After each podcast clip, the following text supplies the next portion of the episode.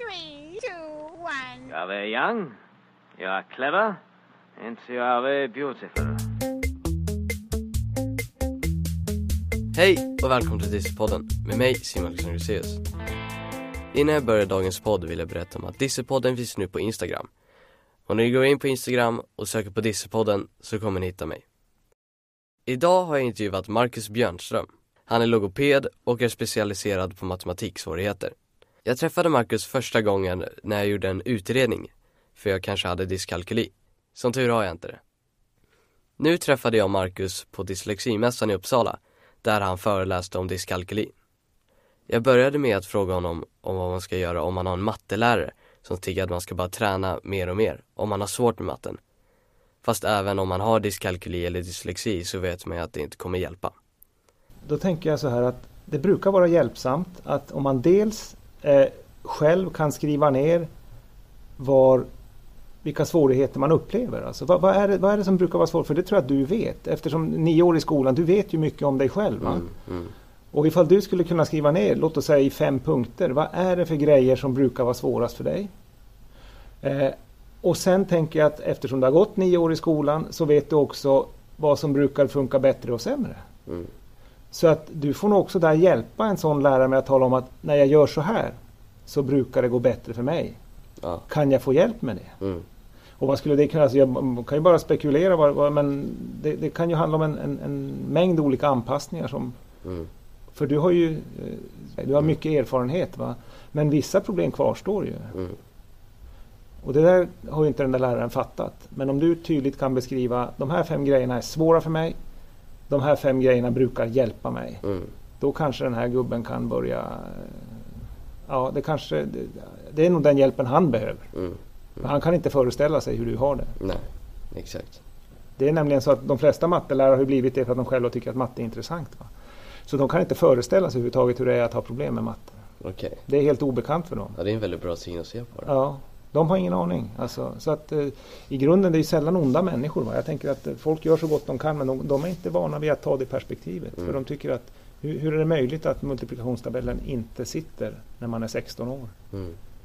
Deras slutsats är ju som, hans slutsats är ju den att du har tränat för lite. Ja, exakt. ja, träna mera säger han. Ja, Nej, det, Nej. det kommer inte att hjälpa dig och det vet ju du redan. ja, Men det är sånt som man, jag tänker, inte dumt att få ner det där på papper och prata utifrån det här pappret. Mm. Det, det tror jag det skulle kunna vara hjälpsamt. Ja. Det skulle vara nytt för en sån lärare också. De är nog mer vana att man, någon, någon uttrycker ett klagomål eller ett problem sådär. Men att, att vara så pass strukturerad som man säger, det här är mina fem problem. Det här är de fem lösningar jag har använt mig av tidigare. Kan, kan det bli så här också? Mm. Mm. Ja, det, det, det skulle vara ett sätt tänker jag. Hur, hur ska man förhålla sig och liksom berätta för en lärare? Jag förstår att om man går i grundskolan till exempel i Ja. fyran, trean om man har problem och läraren inte kan se det, då Mm. kan man direkt inte säga emot läraren tänker jag. Nej, Man är ju lite, man, kan man säga, man är lite rädd kan man säga det är väl klart. Det är väl klart Hur alltså. ska man fixa då? Ska man ta hjälp av föräldrarna?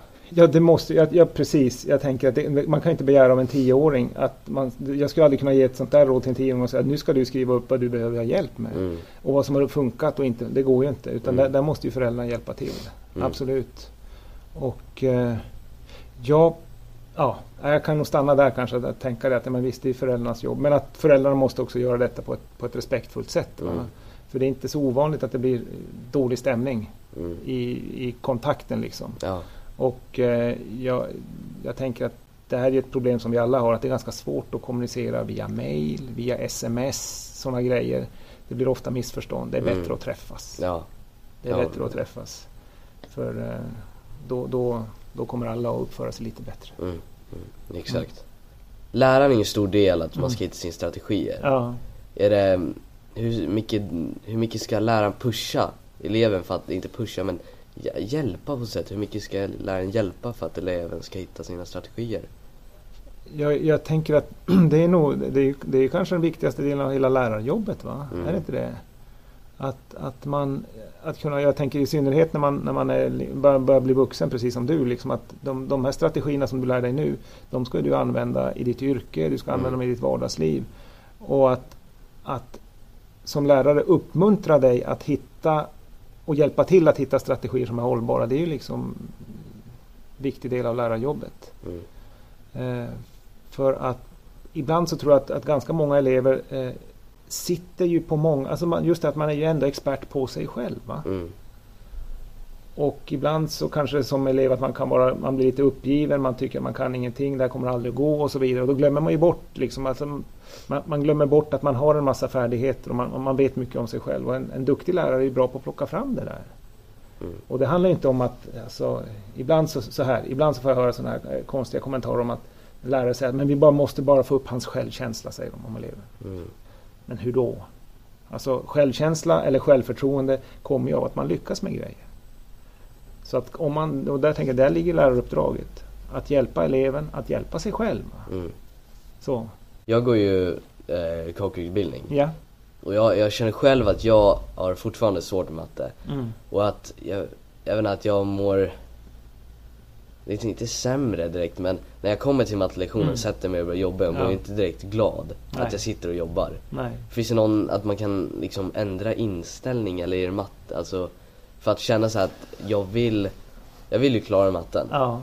Men att inte sitta där och ha tråkigt Ja. i två och en halv timme. Nej. För något, finns det något inställningssätt man kan ändra på? Jag, hur skulle man, jag, sk- jag skulle tänka så här. Eh, om det går så ska jag tänka så här att eh, när man, det, jag tänker det du beskriver är ju att du på något vis du, du blir nog lite orolig på något sätt. Du är inte Mm. riktigt trygg där. Mm. Alltså, det här är inte din, du är på bortaplan liksom. Du vet aldrig hur det här kommer att gå så. Och då tänker jag att det är väldigt lätt att hamna i ett sånt tänkande. Mm. Där man får en orostanke som är matte är inte för mig. Eller jag fattar ingenting. Eller eh, tar den här lektionen aldrig slut.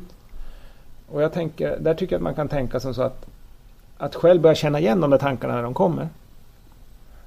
Och sen faktiskt ta ett beslut om att just nu så tänker jag inte gå vidare i just den tanken.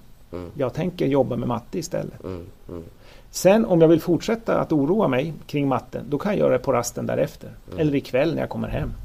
Om det fortfarande är aktuellt så att säga. Men jag tror att det är en, det är en jättestor fälla att man, den uppmärksamhet man har, den hamnar i de här orostankarna. Och de tar all plats. Och då kan inte du koncentrera dig på det du egentligen ska göra. Och dessutom så tror jag att vi har en inställning, eller vi har en idé om att om vi tänker mycket sådana tankar så kommer vi att lösa det här problemet. Mm. Men ju mer du ältar det där, desto längre ifrån lösningen kommer du. Det är min erfarenhet i alla fall. Mm. Så de personer som lyckas konstatera, oj shit, nu sitter jag och tänker att det här är meningslöst igen. Ja, jag får släppa det nu. För nu måste jag öppna matteboken och räkna ett tal. Och sen kan jag räkna till. Och kanske ett tredje. Mm. Och plötsligt har det gått 20 minuter av lektionen. Förstår du hur jag Mm. tänker där? Mm. Att upptäcka när jag är på väg in i det där grubblandet. För att jag tänker att det där grubblandet har aldrig hjälpt någon. Tyvärr. Det är faktiskt egentligen, det är bara skräp. Så. Du nämnde i din eh, föreläsning Mm. eh, om betygssystemet. Ja. Du tyckte till om det. Vad tyckte du om betygssystemet? Vad, Ja, vad var din uppfattning? ja det, det jag tänker om betygssystemet är att det är ju så att vi, vi har ett betyg som heter F. Mm. Det är en, en betygsskala som går från A, som är, är det bästa betyget, ner till F, som i, i, i praktiken är underkänt. Va? Och eh, det är ju en sån väldig press både på eleverna och på lärare att det ska inte förekomma några F. Mm. För att F i nian i matte eller svenska eller engelska innebär att man inte får börja på gymnasiet på ett nationellt program till exempel. Så väldigt viktigt att man har ett E. Mm.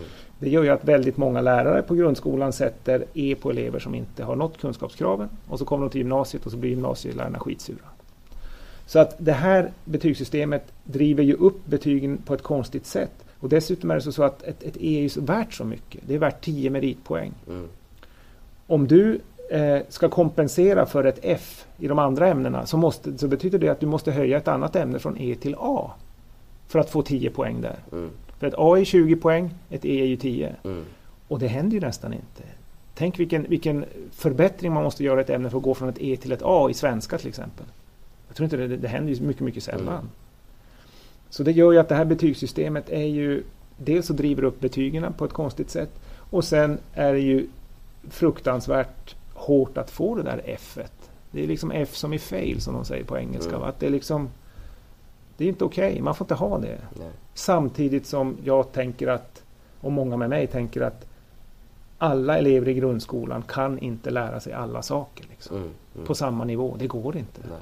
Vem skulle få för sig att, att bestämma att alla elever i nian ska springa 100 meter på 11 sekunder till exempel? Eller 13 Mm. sekunder. Alltså, det, det funkar ju inte så. Så att på så vis så stämmer betygssystemet inte med hur verkligheten ser ut. Och det sätter jättemycket press på eleverna och det sätter jättemycket press på lärarna. Och det driver upp betygen på ett sätt som inte. Ah, det, det, det är inte okej tycker jag. Mm. Jag håller med dig på det. Du, du sa också att eh, i din eh, Mm. eh, föreläsning att du nämnde att man behöver inte en diagnos eller man behöver inte bevis på att man har en diagnos Mm. för att få hjälp i skolan. Just det. Vad ska man göra om eh, rektorn till exempel, den högsta uppsatta i skolan, säger att nej du får ingen hjälp på grund av att du inte har någon diagnos. Vad ska Ja. man göra då? Ja, då ska man genast göra en anmälan till Skolinspektionen. Mm. Faktiskt, i ett sådant fall. För det, det är alldeles... Det, det, det är ett såklart lagbrott. Va? Det står i skollagen att, att... I skollagen står det precis tvärtom. Va? Så att om, om en rektor skulle vara så pass korkad så att de flesta rektorer har lärt sig att de ska inte säga så. Mm. Men om någon faktiskt skulle uttrycka detta eller ge ett sådant besked. Vi kan inte hjälpa dig för vi har så många andra elever som faktiskt har papper på sin dyslexi till exempel. Mm. Vi måste Mm. prioritera de eleverna. Då, det, det, så får man inte säga. Det, det är ett brott mot skollagen. Så det, måste man ju bara... Ja, men det, jag tycker inte man ska hålla på att anmäla skolor till höger och vänster. Det Mm. görs redan alldeles för mycket. Men det där vore så solklart Mm. fel. Mm. Så att där tycker jag man ska säga ifrån. Och jag tycker också att jag ser ju det här resonemanget när jag följer eh, den här Facebookgruppen som eh, eh, eran, eran förening har. Va? Mm. Att många eh, föräldrar har ju fått den uppfattningen också. Att det är jätteviktigt att få en utredning för att Mm. deras barn överhuvudtaget ska få hjälp. Mm. Och det tycker jag är jätteolyckligt. Ja. Det, det, det ska inte vara så. Nej men nu när jag började på gymnasiet, då Ja. var det så här, ja jag behöver eh, stöd med det här. Så ja, har du, så jag dyslexi. Ja. ja, vad är ditt bevis på papper? Fick jag som svar. Det är helt otroligt i så fall. Det är, Ja. helt, det är, också, det är också anmälningsbart. Det är helt otroligt. Är, man får inte säga så. Mm. Det, det stämmer inte med lagstiftningen. Mm. Mm. Så att det, det gör ju också att det blir en... en alltså, många blir så här superfokuserade på att få en utredning gjord. Liksom. Eh, för jag tror att många efteråt blir ganska besvikna för de märker att efter utredningen så det blev ingen skillnad. Nej. Man fick inte mer hjälp i alla fall. Men det finns en utbredd uppfattning om, och som du, som du beskriver även i din skola, att, att det här ska man ha skriftligt på för Mm. att man ska få hjälp. Mm. Det är inte sant. Alltså. Nej. Du, du sa att du hade vidareutbildat dig till, eh, vad var det? Psykoterapeut. Psykoterapeut? Ja. Vad får du göra då för något? Ja, då på, jag jobbar mycket nu med, ja, dels lite grann med utredningar eh, på en sån här barnpsykiatrisk mottagning, men jag jobbar mycket med psykoterapi med, med, med eh, barn och ungdomar. Alltså Okej. från 8 till 18 år sådär. Och då är det ju barn som kommer och ungdomar som kommer med olika typer av, ja men det kan vara alla möjliga eh, problem. Depression, ångest, en del Mm. personer med neuropsykiatriska funktionshinder som autism eller Mm. så. Allt möjligt sånt. All right. Och för all del, en, de, en del barn som jag träffar har ju också eh, dyslexi eller dyskalkyli eller ADHD eller sådana Mm. såna svårigheter också. Din eh, föreläsning, du sa så här, 10 myter om dyskalkyli. Mm. Ja, just det att man, jag, sa någonting om att det finns en, man, man möter ofta, att, eh, eller ofta men det händer ibland att man möter lärare som säger att "Nej, men han har inte dyskalkyli säger man om eleven eller hon har inte det. Utan det är bara en blockering säger man. Alltså att de har bara låst sig på något sätt. Mm.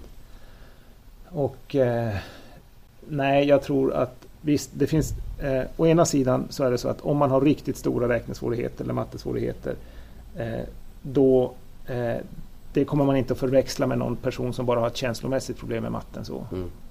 Men det jag sen sa, apropå den myten, det är ju också det att, att matematik är så speciellt att det är så många elever i skolan som faktiskt har får känslomässiga problem av ämnet. Alltså de får Mm. det man kallar för matteångest.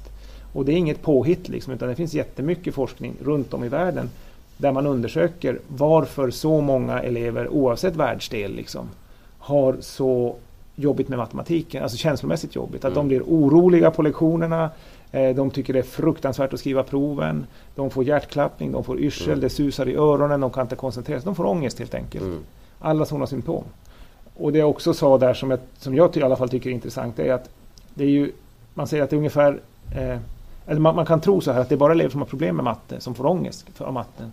Men så är det inte alls. Nej. Utan det är väldigt många av dem som faktiskt klarar matten bra eller till och med riktigt bra som också har de här stora känslomässiga problemen på grund av Ja. ämnet. Och det tycker jag är lite, både lite skrämmande och lite intressant. För det finns ju inget annat ämne i skolan som tycks väcka så starka känslor. Liksom. Mm.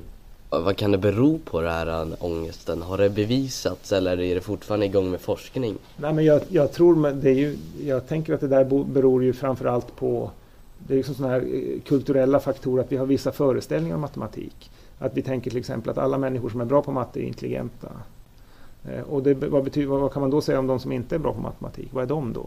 Mm. Det är klart att det är eh, en, en, en sån fördom liksom, skapar ju oro hos den som har problem med matte såklart. Eh, det andra som jag tror har betydelse det är att, att matte kan ju vara ett, det kan ju läras ut som ett ämne där det bara finns ett rätt svar på frågan. Eller hur?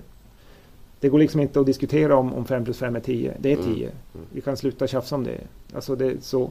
Men, men eh, medan man i många andra ämnen i samhällskunskap kan liksom diskutera liksom, olika politiska uppfattningar och man kan sådär, det friare och öppnare medan matte också kan läras ut som någonting där det bara finns ett svar. Mm. Och, och då blir det också ganska otäckt för om det bara finns ett svar och jag inte har det då kan jag inte svara på frågan. Mm. Det var bra, men tack att jag fick intervjua dig. Mm, tack själv. Det där var Marcus Björnström som är logoped och specialiserad på matematiksvårigheter. Det var allt för idag. Tack så mycket att ni har lyssnat. Glöm inte att följa Dissepodden på Instagram. Tack och hej, leverpastej.